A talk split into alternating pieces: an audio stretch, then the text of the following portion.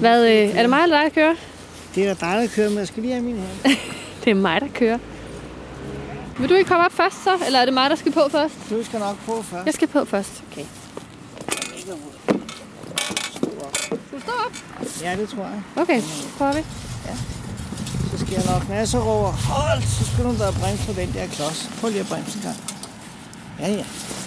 Det spor, vi kører på nu, det er spor 1, og det var her, at trækkene fra statsbanerne, de blev afleveret og omvendt hentet, når øh, Amagerbanen havde været ude at hente de forskellige vogne på industrien, der lå rundt omkring. De fleste industrier, store industrier, der lå langs med banen, de havde deres eget spor ind til fabriksområdet. Så der var rigtig meget. Alene træk fra prøvestenen, det kunne godt fylde, så der var to spor, at der skulle med hjem.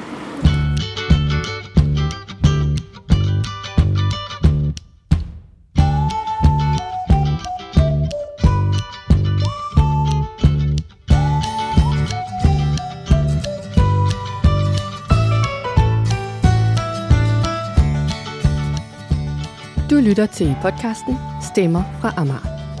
En fortælling om Amagers historie, om dem, der bor her, og alt det, der vil ske med øen. Det er en serie om de fattiges og de riges ø, om stedet, hvor man dumpede lort og affald, og hvor ingen pæne folk kom. Mit navn er Mike Næstrup. Jeg er historiker og journalist, og så bor jeg på øen. Velkommen til.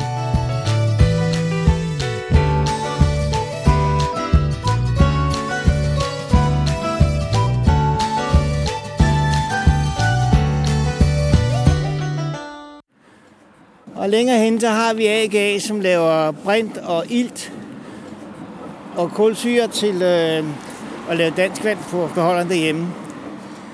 Altså, det har virkelig været ren industri hele vejen rundt. Ja, det har det. For længere hen, der var der Shurgard nu, der lå, jeg kan ikke huske, om det var Continental, det var i hvert fald bildæk, der var der kæmpestor. Og længere ud, der lå Eskefabrikken Elvo, så havde vi O Sommer, Ole Sommer, som byggede sin egen bil, men ellers så var en Volvo Jaguar forhandler. Tænk sig en Volvo Jaguar forhandler her på Ublandsvej. Hver gang jeg kører i kvarteret omkring Kløvermarken og Refsaløen, bliver jeg draget af de gamle industriområder med høje beton- og murstensbygninger, skorstenene, afbladede skilte og hullet asfalt, der vidner om en svunden tid. Det er et helt andet Amager end villakvartererne, fiskerhusene i Dragør eller Fælleden. Her har man produceret alt fra reb og kunstgødning til ølflasker og lim. For øjeblikket falder de gamle industribygninger på stribe til fordel for dyre boliger i højden. Kun ganske få bevares for at blive omdannet til boliger. Endnu er der en smule industri tilbage på Amager, men det er ingenting mod hvad der har været. Industrialiseringen og opblomstringen af fabrikker på Amager i 17- og 1800-tallet fik en enorm betydning for øens udvikling. Et væld af nye arbejdspladser, som medførte et eksploderende behov for boliger. Et af de få levn fra den æra er Amagerbanen, anlagt i 1907. Derfor kører jeg nu en tur på de sidste skinnerester sammen med Henrik Christoffersen.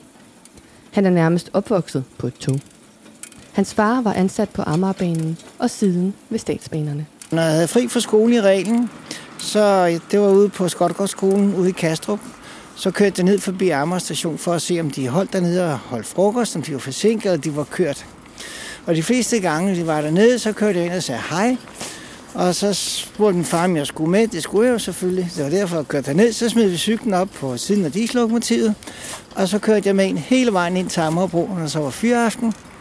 Så tog vi cyklerne hjem. Henrik er med i Amagerbanens venner. En lille gruppe lokale togentusiaster, der vedligeholder den godt 1 km lange strækning, der ligger kilet ind mellem Kløvermarken og Oplandsgade i en bræmme af vildvoksende natur. Har I nogensinde oplevet, at de er kørt af sporet? Ja, det kan man godt. Det sker bare lige pludselig, så er man smut, siger det. Men den vælter ikke? Nej, den kører stille og roligt af. Jeg var ude for nylig, og så havde jeg ikke set, der lå en gren. Og den var som ikke tykkere end en finger. Men øh, det var nok til lige skrevet af. Man begynder at forstå, hvorfor DSB nogle gange har problemer med blade på skinnerne. Ja, det gør man jo. jo, ja, det er rigtigt. Jeg tramper ihærdigt i pedalerne på en høj, trehjulet skinnecykel, imens Henrik står på et lad ved siden af og fortæller. Med den ene hånd på styret og den anden med mikrofonen, forsøger jeg at indfange hans fortællinger. Det er heldigt, at cyklen er stiv som et bræt og kursen sat af jernbaneskinnerne foran os. Ellers ville min kørsel være decideret uansvarlig.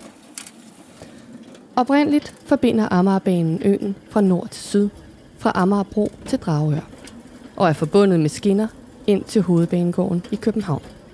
Banen er sat i verden for at transportere varer og materialer til og fra de mange fabrikker, der skudt op på øen gennem 17- og 1800-tallet. Men i perioder kører den også med passagerer. Især familier, der skal på søndagsudflugt. Nu kører vi herude i det, vi kalder tunnelen. Det er det sidste stykke ud mod Raffinerivej, hvor der er træer på begge sider. Nu er det jo efterår, når det er sprunget ud. Så er det fantastisk at se med bladene, og de laver ligesom en, et loft over de fleste steder. Og derfor kalder vi det for tunnelen. Og så har vi på venstre side Kløvermarken. Vi kan se ud på Amager forbrænding med hopbakken op på toppen. Du kunne også dreje til venstre ud mod, hvor øens murfirma ligger nu. Der lå de danske spritfabrikker. Så der kørte man ud med, med sprit til dem. Og nogle gange så kom min far hjem og sagde, at vi havde tårer i øjnene i dag, fordi tollerne havde været der. Der var noget galt med den vogn, hvor der var sprit på, så de kom og tømte ud i kloakken. Så ikke så meget som dråben og de tage. Så det var, det var han lidt ked af. Amagerbanen udveksler godsvogne med DSB og transporterer varer frem og tilbage over øen. Også københavnernes latrin bliver transporteret i gigantiske fade på godsvogne til Store Magleby og Tømmerup. Her står bøllerne klar til at tage imod og fragte det videre ud til deres marker i mindre tønder. Langs banen etablerer man en række sidespor, som leder ud til de enkelte fabrikker, så de nemt og effektivt kan laste og losse deres varer. Der lå også herhenne, der byggede Mærsk Kemi, de byggede noget, der hedder Pyrolyseværket. Man skulle prøve at lave noget lidt benzin, det skulle crackes, hed det. Der var nogle problemer, så man, man fik ikke lige lavet det, man skulle til start. Men de laver også noget etyl, som blev brugt til øh, fremstilling af noget kemisk sprit ude på spritfabrikkerne. Amagerbanen bliver i virkeligheden etableret i den sidste halvdel af industrialiseringen. For industrialiseringen har sin spæde begyndelse allerede i midten af 1700-tallet på Amager. I resten af landet kommer den først cirka 100 år senere. Men hvordan kan det hænge sammen? Jeg forlader Henrik og mit svedende selv på skinnecyklen for en tid og går længere bagud. Jeg inviterer museumsinspektør på Museum Amager, Christian Ågaard, på kaffe et helt særligt sted. Men da vi ankommer, er caféen lukket. I midlertid får vi lov af ejerne at komme ind sammen med håndværkeren. Over i hjørnet. Det er Ja. så fint. Ej, hvor er Så det går jeg ind og luksus. laver kaffe til. Jeg skal bare lige en hund med. Tak, hvor er du sød. luksus. Tak for det. Er det noget kaffe, vi skal bede om? Øh, der er noget med mælk i. Virkelig sort kaffe. Tak. Tak. Hvor er det luksus. Vi har slået os ned på Café Kystens Perle. En café, som ligger i et smukt, gammelt bygningskompleks nær Kastrup Havn. Det er lige her, historien om industrialiseringen på Amager starter. Altså, vi, vi sidder på det, som egentlig hedder Kastrupværk. Det bliver også kaldt for Bryggergården, fordi at uh, ud over den indledende produktion, så kommer der senere også et, et bryggeri. Det er et kalkværk, som blev etableret i 1749 med henblik på at, det her, at skulle bearbejde kalk fra Salum. Og det var et af de tidlige produktionsanlæg. Noget forud for sin tid. 100 år før resten af industrialiseringen og et af de, de store produktionsvirksomheder ude. Det er her, man sejler kalk, der er udvundet på, øh, på Saltholm, ind til Kastrup. Man etablerer en havn i forbindelse med Kastrup Værk. Så brænder man kalken til byggesten. Man kan lave sådan nogle marmorlignende sten af saltholmskalken. Man laver også bindemiddel til byggeriet ud af kalken, det vil sige en form for mørtel. Og det gør, at kalkværker som Kastrupværk er enormt profitable. Det her med at have et privilegie til udvinding af kalk på Salholm, det er en ret god forretning for ham her, Jakob Fordling. Og det bliver stedet etableret til, og så begynder det langsomt at gribe om sig og åbne andre afdelinger i forbindelse med det her kalværk, der er herude. Der blev også åbnet et teglværk, og der blev åbnet en, en fajancefabrik, det vil sige en, en produktionsvirksomhed af porcelæn, så det bliver sådan et lille præindustrielt storproduktionsområde af et omfang, som tidligere i høj grad har været, primært været forbeholdt staten. Jakob Fortling er en utrolig entreprenant, dansk-tysk billedhugger og arkitekt. I sine unge år kommer han til Danmark, stiger lynhurtigt i graderne og ender som kongelig bygmester. Foruden den omfattende virksomhed ved Kastrup Havn, får han bygget landstedet Kastrup Gård som bolig til sig selv. Det der i dag huser Kastrup Gård samlingen. Kastrup er det største industrialiserede område øh, sammen med Amager uden for København. Og kun overgået af Mølleåen, som er arnestedet for dansk industri, så er Kastrup det næstældste industrialiserede område øh, uden for København. Udover at det er lokalhistorisk vigtigt, øh, så er det altså også sådan nationalt set et, et ret vigtigt område, øh, sådan rent industrialiseringsmæssigt. Og hvorfor er det lige øh, Kastrup, der kommer så hurtigt med på bølgen? Det er dels på grund af transportmulighederne Øresund, de tidlige havneanlæg herude, Ammerbanen, jernbanen er bygget senere hen, og så er det jo især på grund af det sted, vi sidder på nu, Kastrup Værk, Bryggegården, øhm, som jo er forud for sin tid, og er det de, de få store produktionsanlæg, der, der eksisterer i, i Københavnsområdet. Vi går ud for at se på Bryggergården, som med sine 270 år står imponerende smuk og rank. Bygningerne er okkergule med svensk røde vinduer, døre og teglting. Klassisk, enkelt, indtagende. Desværre siler regnen ned, nu står vi så her vi ender en, øh, hurtigt i en portåbning. lille passage ind til Bryggergården. Kunne du ikke prøve at forklare mig, hvad industrialiseringen egentlig går ud på? Jeg må sige, industrialiseringen, det er jo her, hvor vi begynder at få en mekanisering af arbejdsprocesserne. Industrialiseringen kommer af, at der kommer dampmaskiner og motorkraft, som gør, at det hånddrevne arbejde bliver erstattet af maskiner. Det bliver jo en effektivisering af arbejdsprocesser i, i en grad, der gør, at man får et boost i produktionseffektivitet og produktionsoverskud. Med andre ord går vi væk fra menneskelig muskelkraft, forbi hestekræfter og videre til damp, gas, elektricitet og olie som kraftkilder. Hvor man tidligere er afhængig af vand og vind som energikilder, kan man nu lægge sine fabrikker, hvor man vil. Og med de nye energikilder kan man producere langt mere på kortere tid. Men det er ikke en proces, som kommer over en enkelt nat. Vi har i Danmark jo et statsbankerot i 1813, hvor at nationen ligesom er nede at vende og skal starte forfra. Og så kommer der et økonomisk opsving fra 1840'erne af. Der begynder man at se den her spæde industrialisering. Og det sker i København, og det sker i provinskommunerne, det sker ved Mølleåen, og her i, øh, i, i Kastrup også. Og det er simpelthen, hvor man begynder at samle de her mange små produktionsvirksomheder i nogle lidt større enheder. Det er jo ikke stor tung, svær industri, som vi kender i dag. Det er jo stadig relativt små arbejdspladser, men i forhold til, hvad man har kendt tidligere, hvor der er meget hjemmeproduktion, man siger, vi har hele traditionen omkring stofproduktionen hos Lindesværkerne osv., der begynder man at samle mange af de her små hjemmeproduktioner, og så laver man større væverier, og så begynder det så at udvide sig og udvikle sig, ikke? Er det en speciel slags industri, der kommer til Amager? Ja, man kan sige, noget den, den tidlige industri, der kommer til Amager, den der egentlig ikke ligger øh, nødvendigvis der, hvor vi er nu, men som ligger inde tættere på Københavnsområdet. Det er jo den industri, som hører mere til selve hovedstaden København. Og det er der, hvor man begynder at placere noget af den ikke så attråværdige industri, som man ikke vil have inde i selve byen. Det, der sviner, det, der lugter, det placerer man ude på Sundbyområderne, inde på Amagerbro. Øhm, og når vi kommer herud på Amager, ud i Kastrup, hvor vi er nu, så begynder man at få sådan lidt mere spredt produktion. Det er der, vi starter med, med Bryggergården, som vi står på nu. Øhm, og så udspringer der en masse små kemiske produktioner herude. Øh, syrefabrikker, svovlsyrefabrikker, forskellige olieprodukter, der bliver produceret herude. Men det er sådan et, et bredt spænd af produktion, der er herude. Nu skal vi lige huske, at Sundby Øster, Sundby Vester og Kastrup er landsbyer på det tidspunkt, med marker omkring. Så det er ikke et tæt befolket byområde, man placerer fabrikkerne i. De bliver bare lagt uden for byen.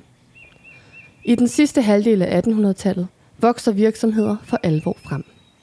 Mange flytter ud af byen, fordi der ikke er plads til at udvide bag voldene. Men en del er tvunget til at flytte ud, da de er for forurenende for borgerne i København. Den økonomiske velstand, der kommer i midten af 1800-tallet, som vinder frem, den kommer så jo ikke af industrien. Danmark er et landbrugssamfund, så det er i landbruget, at den her udvikling kommer. Det er landbruget, der bliver effektiviseret i en sådan grad, at man begynder at kunne eksportere sine varer ud over Danmarks grænser. Og det foregår via kystbyerne, via havneanlæggene. Og det er jo så de her havneanlæg, søvejene, industrien kobler sig på. Og det er i Dragør, det sker, øh, og det sker i høj grad i Kastrup. Så på den måde er udviklingerne knyttet sammen. Handelsflåden, den vokser. Dragør for eksempel bliver ud over København, så bliver det det sted i Danmark, hvor der er indregistreret næst flest handelsfartøjer. Det er simpelthen fordi de her små provinshavne, de skal servicere hovedstaden. Så landbruget spiller fortsat en central rolle i landets økonomiske udvikling, og havnene på Amager sikrer eksporten. Men de mange nye arbejdspladser forandrer billedet af Amager. En af dem, som er med til at kendetegne de typer produktionsvirksomheder, der er herude, det er glasværket herude, der åbner i midten af 1800-tallet. Det er Holmegård, som øh, skal udvide deres produktion. Man har et store opsving i 40'erne, som Holmegård også nyder godt af, og derfor vil de gerne udvide med et nyt glasværk ude i Kastrup. Det er blandt andet, fordi der er man tæt på vandvejen, man er tæt på Øresund, så det er nemt at sejle øh, råmaterialer ind til fabrikken. Det er nemt at sejle øh, byggematerialer ind til byggefabrikken. Det gør sig gældende for alle produktionsvirksomhederne ude. Og så er det også meget vigtigt for Holmegård, det her med, at man er tæt på København. Selvom man dengang i midten af 1800-tallet havde lidt længere transport tidsmæssigt, end vi har i dag, så er man stadig forholdsvis tæt på København. Det vil sige, man er rigtig tæt på sit primære afsætningsområde. Og det udvikler sig til at blive et ret fantastisk eksempel på sådan, hvad det man kan kalde sådan en, en total virksomhed. Fordi det er et område, hvor at man har selve kernefabrikken, så bygger man øh, arbejderboliger tæt på for at holde arbejdskraften tæt på fabrikken. Generelt for perioden så er, at man benytter sig af arbejdskraft fra lokalområdet, men her der bygger man simpelthen boliger helt tæt på fabrikken, for at have arbejdsstyrken lige rundt om hjørnet. Det er selvfølgelig praktisk, for så er der ikke så lang transport for dem, der arbejder, men det er også den helt praktiske øh, grund, at når man arbejder med glas, så smelter man jo sand. Sandet er, har de fra Øresund af. Også en god grund til at ligge her. Og der ved man ikke præcis, hvornår at det her glas det bliver klart i den her smelteproces. Det er ikke en helt fin, detaljeret videnskab. Så det kan ske mere eller mindre når som helst på døgnet. Der er det jo ret smart for producentens side at have arbejdskraften boende i boliger lige ved siden af fabrikken. Finder så glasset er klart, og er klar til at blive støbt, og til at blive formet, til at blive pustet, så kan man jo simpelthen bare ringe arbejdskraften ind for lige over på den anden side af vejen. Det er smart for producenten. Det ligger selvfølgelig også nogle krav på arbejderne, fordi de har jo så at sige aldrig rigtig fri. For at have den her effektivitet på det her glasværk, har man også at sørge for, at man har tilbud til familierne, de kan bo der, man etablerer en lille skole til børnene, så familierne ikke skal spekulere på at sende børnene ud i skole. Det har også den effekt, at børnene jo arbejder sammen med deres forældre på glasværket, bliver oplært i, hvad deres fædre og mødre har af håndværk øh, og indgår i, simpelthen i produktionen. Så når forældrene har fri på skæve tider af døgnet, så er det også der, børnene går i skole. Så man har simpelthen sin egen skole på stedet. Man opretter en, øh, et lille supermarked, et marketenteri, som øh, arbejderne kan benytte sig af. Man opretter sygekasser, pensionsordninger. Så det er sådan en helt lille minisamfund på den her fabrik, som også er et ret godt eksempel på hele den her meget patriarkalske fabrikskultur, virksomhedskultur, man har i perioden, hvor at virksomhedsejerne er dem, der ligesom sætter dagsordenen for arbejderne. Og det er så langt som, at man har eksempler på, at øh, dem, der arbejder i den her glasfabrik, og det har stenset også gjort sig gældende på mange af de andre fabrikker, går ind og spørger om tilladelse hos fabriksejerne til for eksempel at, at gifte sig. Fordi man har sådan den her, det her hierarki, hvor det er fabriksejeren, der er den definerende kraft i de her folks liv. Og det er blandt andet også sammen med arbejderboliger, der bliver bygget. For når man er gift, så har man også berettet til en, en større bolig. Så på den måde, så kan virksomhedsejerne, de kan simpelthen styre folks liv. Man kan sige, arbejdernes velbefindende og sådan noget, arbejdsmiljøforhold var noget lidt, lidt andet dengang, end det er i dag. Og det gælder på, øh, på glasværket, som det gælder på alle andre steder frekvensen af arbejdsskader var noget højere, end den er i dag. Og vi har fortællinger om, øh, der blev lavet produceret glasuld også, hvor man spinder den her smeltede glasmasse ud, så det trækker lange glastråde, som man så kan sy ind i sådan nogle store baller, som man så kan isolere med blandt andet. Og de her arbejdere, der har gået arbejdet med det her, fortæller simpelthen, hvordan de føler, at hele deres krop er dækket med nåle, når de har, har fri om aftenen, fordi det her helt fine glasstøv nærmest sidder i, i huden. Et andet eksempel på en virksomhed, der vokser sig stor og betydningsfuld, er B&V. Burmeister og Vans maskin- og skibsbyggeri grundlægges på Christianshavn for hurtigt vokseværk og ender på Refshaleøen. Før 1872 er Refshaleøen blot sandbanker i havnen. Men Københavns havnevæsen fylder jord på og skaber en ø, som kan huse B&V's gigantiske skibsværft. Frem til midten af 1960'erne er det Danmarks største arbejdsplads. Med de mange tilflyttende arbejdere eksploderer behovet for arbejderboliger. Grundene på Amager er billige. Både fordi det er her, industrien holder til. Der lugter fælt fra fabrikker og latrintransport, og området er lavt liggende. Så jorden er våd, og om sommeren sværmer det med myg. Det er ikke særlig attraktivt at bo i de industrialiserede områder. Så når man begynder at opleve, at man i København har boligmangel, man har i øh, slutningen af 1800-tallet, så begynder man at opleve en boligmangel starten af 1900-tallet, og skal anlægge nye boliger, så er det på Amager, man begynder at bygge ude omkring Kastruplandet, omkring det industriområde, vi står i nu. Der kan man købe billige byggegrunde, så kan arbejderne flytte derud. Det gælder det samme inde på Amagerbro, inde i, inde i Sundbyen, hvor man oplever en fuldstændig altså ekstrem befolkningstilvækst, øh, når vi runder 1900 og kommer op i 10'erne, 20'erne og 30'erne. Der eksploderer det simpelthen. De her boliger, hvad er de for en kvalitet? Skal skal vi kalde dem effektive, tror jeg. Det er jo ikke pragtbyggerier, fordi det har arbejderne ikke råd til. Det er øh, datidens massebyggeri for at få nogle øh, bygninger op, som arbejderne kan bo i, og det gør sig også gældende for dem, der er tilknyttet fabrikkerne her. Når vi kigger på dem nu, så er det jo relativt pæne bygninger, øh, men det er jo små, små kår, små toværelses lejligheder, som familierne bor i, enværelseskammer til dem, der er enlige. Men for mange af de arbejder, der er, så er det jo lidt en, kan man kalde det en luksus, men det er en gode at have adgang til boliger tæt på arbejdspladsen. Allerede fra 1840'erne bygger man arbejderboliger på Amager, og i starten er det faktisk også arbejderne selv, der står for byggerierne. Det gør de igennem byggeforeninger. Byggeforeningshusene er en væsentlig bedre kvalitet end dem, der senere bygges af private byggespekulanter. Og de kan stadig ses på Sverigesgade, Finlandsgade og Brigadevej på det nordlige Amager. De minder om de mere kendte og eftertragtede kartoffelrækker på Østerbro. Men langt de fleste arbejdere bor tæt og mørkt. Men hvad er det for en slags arbejde, virksomhederne har tilbudt? Og hvordan har arbejderne klaret sig? Det spørger jeg historiker Tommy P. Christensen om. Han er født og opvokset på Amager og skriver bøger om øens industrihistorie. Han fortæller, at arbejdet i begyndelsen af 1800-tallet er langt mere sæsonpræget. Når materialerne, man skal bruge, kommer, og det var jo ofte øh, naturprodukter, så producerer man på dem, og når man så ligesom har brugt dem op, så venter man til næste gang med at producere igen. Det kan være sådan nogle ting som limfabrik, ikke? Så har man limfabrik, der kører nogle måneder med nogle folk, og så ligger den faktisk stille i en periode, indtil det, der kommer en ny sending af de råvarer, man skal bruge, og så producerer man igen. Man kan se på antallet af beskæftigede, at så er der måske en periode, tre-fire mand, og, og også tit kvinder, og som end også tit børn. Der blandt andet kommer der jo tændstiksfabrikker i sundbyerne. Og tændstiksfabrikker, det, det var jo for en stor del af et arbejde, der bestod af børn, der sad og dyppede de her træpinde i kogende fosfor, så man kunne få hoveder på tændstikkerne. Og det fortalte sig, at når børnene kom hjem, så lyste de jo sådan helt af det her fosfor, de havde brugt. Så det, det var jo børnearbejde, det kom der jo så også efterhånden lovgivning imod. Når der er gang i produktionen, så kan der jo være 10, 20, 30 ansatte, ikke? Og så ellers så er der måske kun et par stykker, som er der at passe det. Og så vil man jo så sige, jamen så må har de så gået arbejdsløse indimellem. Ja, det er jo ikke godt at vide, hvad, hvad folk... Men der var så mange i sundbyerne, som havde små haver. Og øh, der var jo altid lidt afsætning for Amager grøntsager inde i byen.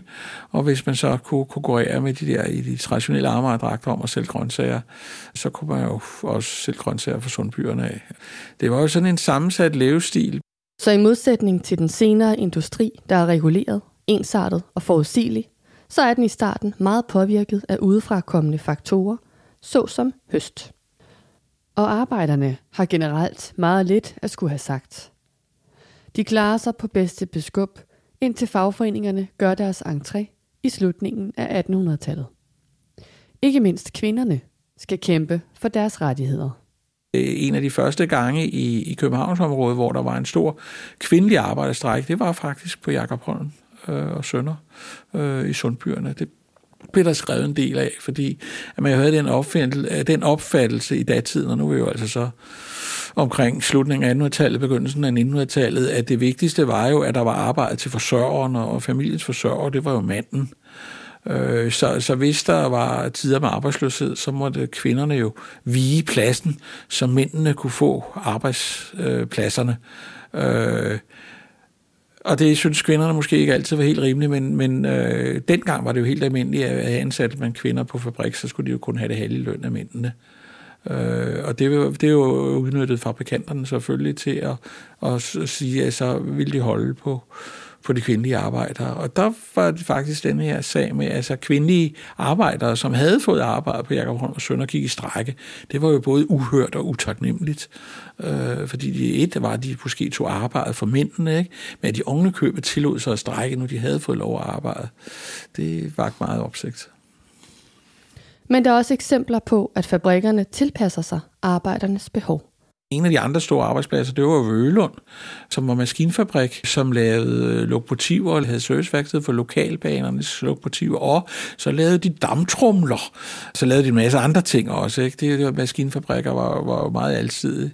Vølund ligger nede ved Øresundsvej, og på den tid, og der er vi jo så tilbage i begyndelsen af 1900-tallet, der var Amagerbanen meget væsentligt for at transportere personalet, øh, der skulle møde på kontorerne.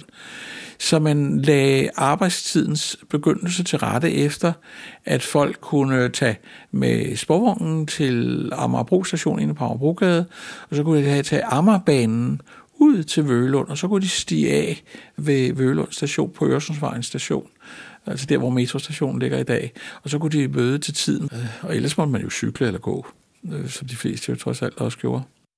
I starten af 1900-tallet har tiden og effektiviteten overtaget styringen. Alt er koordineret og gennemtænkt, struktureret og tilrettelagt. Mange af fabrikkerne tænker i effektivitet på flere niveauer. I 20'erne øh, for enden af Pragskolær, der anlagde man jo Toms-fabrikker, altså chokoladefabrikken.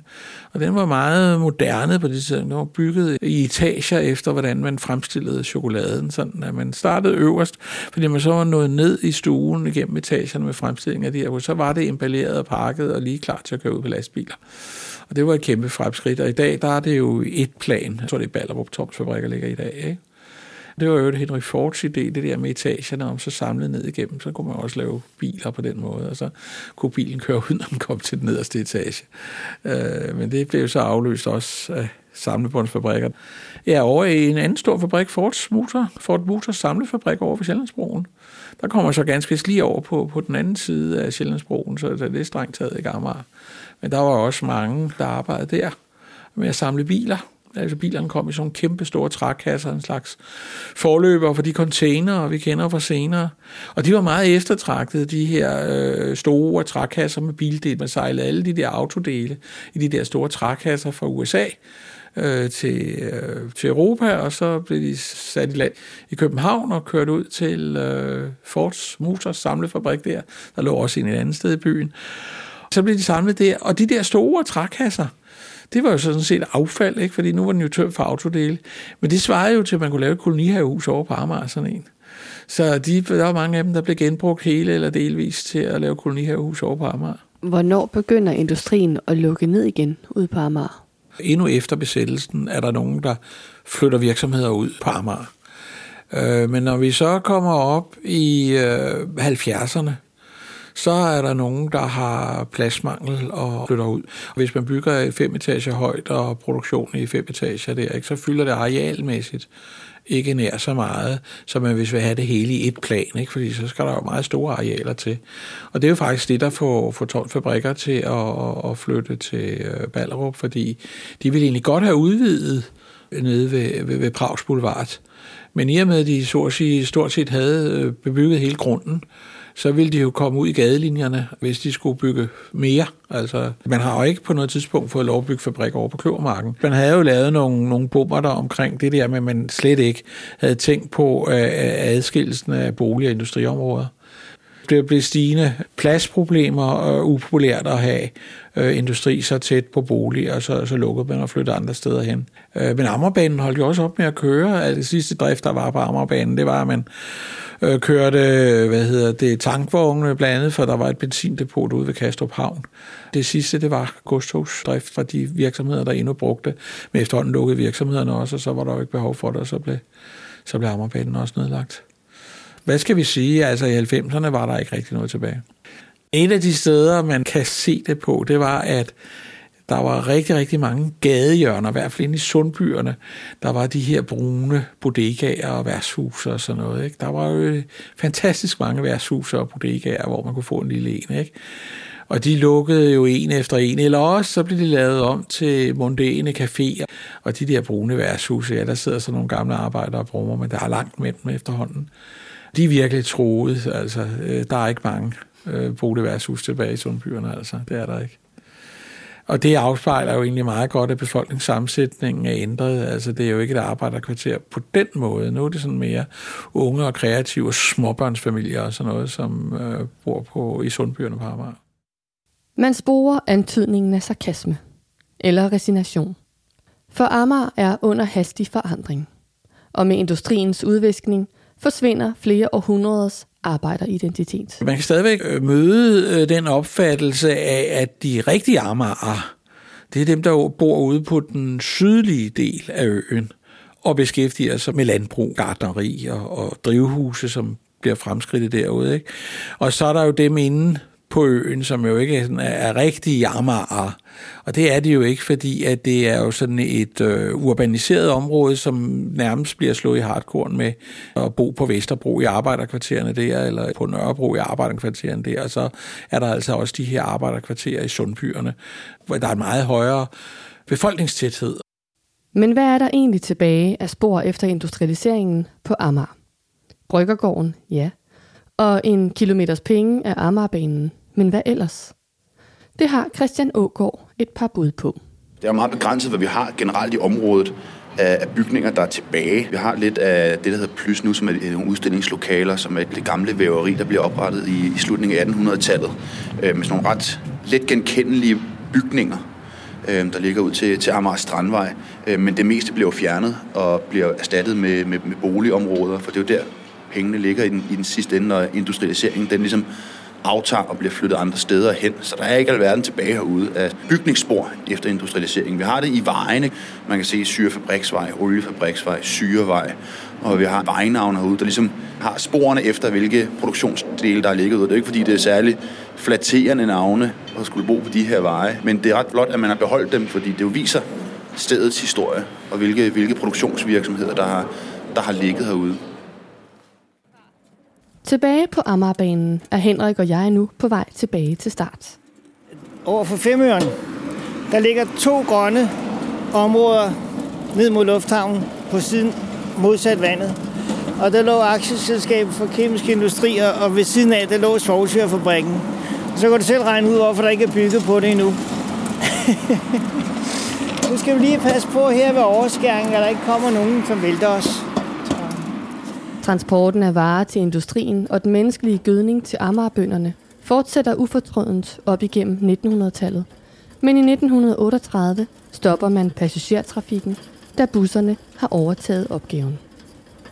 Med 2. verdenskrigs udbrud i 1940 genindsætter man persontransport på Amagerbanen. Det er nemlig svært at skaffe benzin til busserne. Fra 1947 transporterer man kun gods. Nu er benzinen nemlig kommet tilbage. I 1957 bliver banen skåret midt over, da Kastrup Lufthavn skal udvides, og i 1995 bliver den endelig nedlagt. Amagerbanens venner har kun eksisteret et par år. Vi tilbyder kørsel med en skinnecykel. Det er en trehjulet cykel, man kan køre på skinnerne med. Så har vi en pumpedressine. Der er nok nogen, der har set generalen med Buster Keaton eller Olsenbanden i Jylland, hvor de står og, og på sådan en pumpedressine. Så kan man køre begge veje, alt efter lige når man starter, står man på. Og så har vi en lille motordressine også, som vi styrer, han har sagt. Der, der er logofører på. Det må man ikke selv køre. Det koster ikke noget, men øh, vi tager gerne imod frivillige bidrag, for det er det eneste, vi får af indtægter. Hvad er fremtidsudsigterne for det her sted? Ja, det ved vi jo ikke. Umiddelbart så skal der måske bygges noget. Vi ved ikke noget, men vi håber at overbevise politikere og så videre om, at, at, at, at, at det skal bibeholdes. Nu kommer jeg jo til at tænke på, at jeg faktisk har en oldefar, som også arbejdede ved statsbanerne. Nå, statsbanerne. Nå, hvor henne ja. statsbanerne? Jamen, øh, altså så vidt jeg husker, så... Øh, altså han øh, stod blandt andet for at male togene. Ja, øh, i København, eller? Ja, i København. Fordi min far voksede op på Vesterbro. Midt i min samtale med Henrik kommer jeg i tanke om min oldefar, Johannes Astrup. Han var ansat ved de danske statsbaner og stod for vedligeholdelsen af togene. Det går langsomt op for mig, at mine egne oldeforældre selvfølgelig har været en del af den her arbejderhistorie. Jeg kan huske en historie, min farmor engang har fortalt mig. Kongen skal på visit hos statsbanerne, og alle har forfærdeligt travlt op til besøget. Johannes skal male kronen på toget, og da kongen går forbi, opdager han, at den er malet lidt skævt. Jeg synes, kronen vakler lidt, udtaler kongen. Der falder vist brænde ned over Johannes bagefter, men han bliver ikke fyret. Heldigvis. I det samme nærmer vi os vores udgangspunkt. Et hvidt skur med et rødt stopskilt.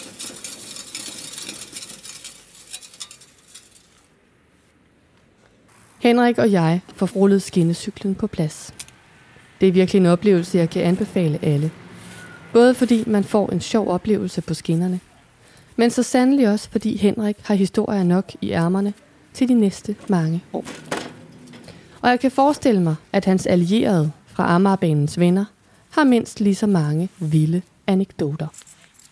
Så længe de driver den bane, så fortælles Amars industrihistorie hver anden søndag. Og den dag DSB sælger grunden, for at der kan blive bygget flere boliger, så forsvinder endnu en bid. Det er svært at undgå, så jeg håber, at du når at opleve turen. For tingene vil forgå, forsvinde og blive erstattet. Undtagen når vi i enkelte tilfælde insisterer på at bevare. Bryggergården for eksempel, eller plyssen. Den er ikke fredet, men det kan vi jo håbe, at den bliver. For industrialiseringen er ikke til at spøge med – den har vendt op og ned på vores tilværelse, vendt op og ned på Amager, og skabt en ny identitet. Nok engang spiller Øresund en vigtig rolle i udviklingen.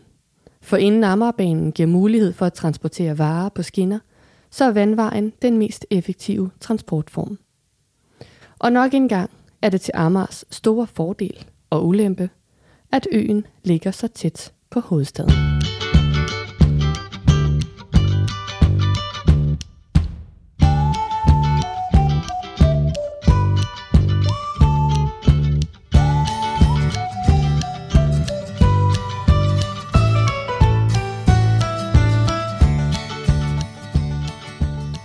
Jeg håber, du har nyt historien.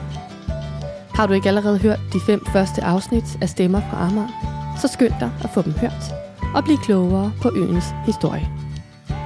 Hvis du har lyst til at vide mere, så kan jeg anbefale bogen Amars Industri Begyndelsen af Tommy P. Christensen.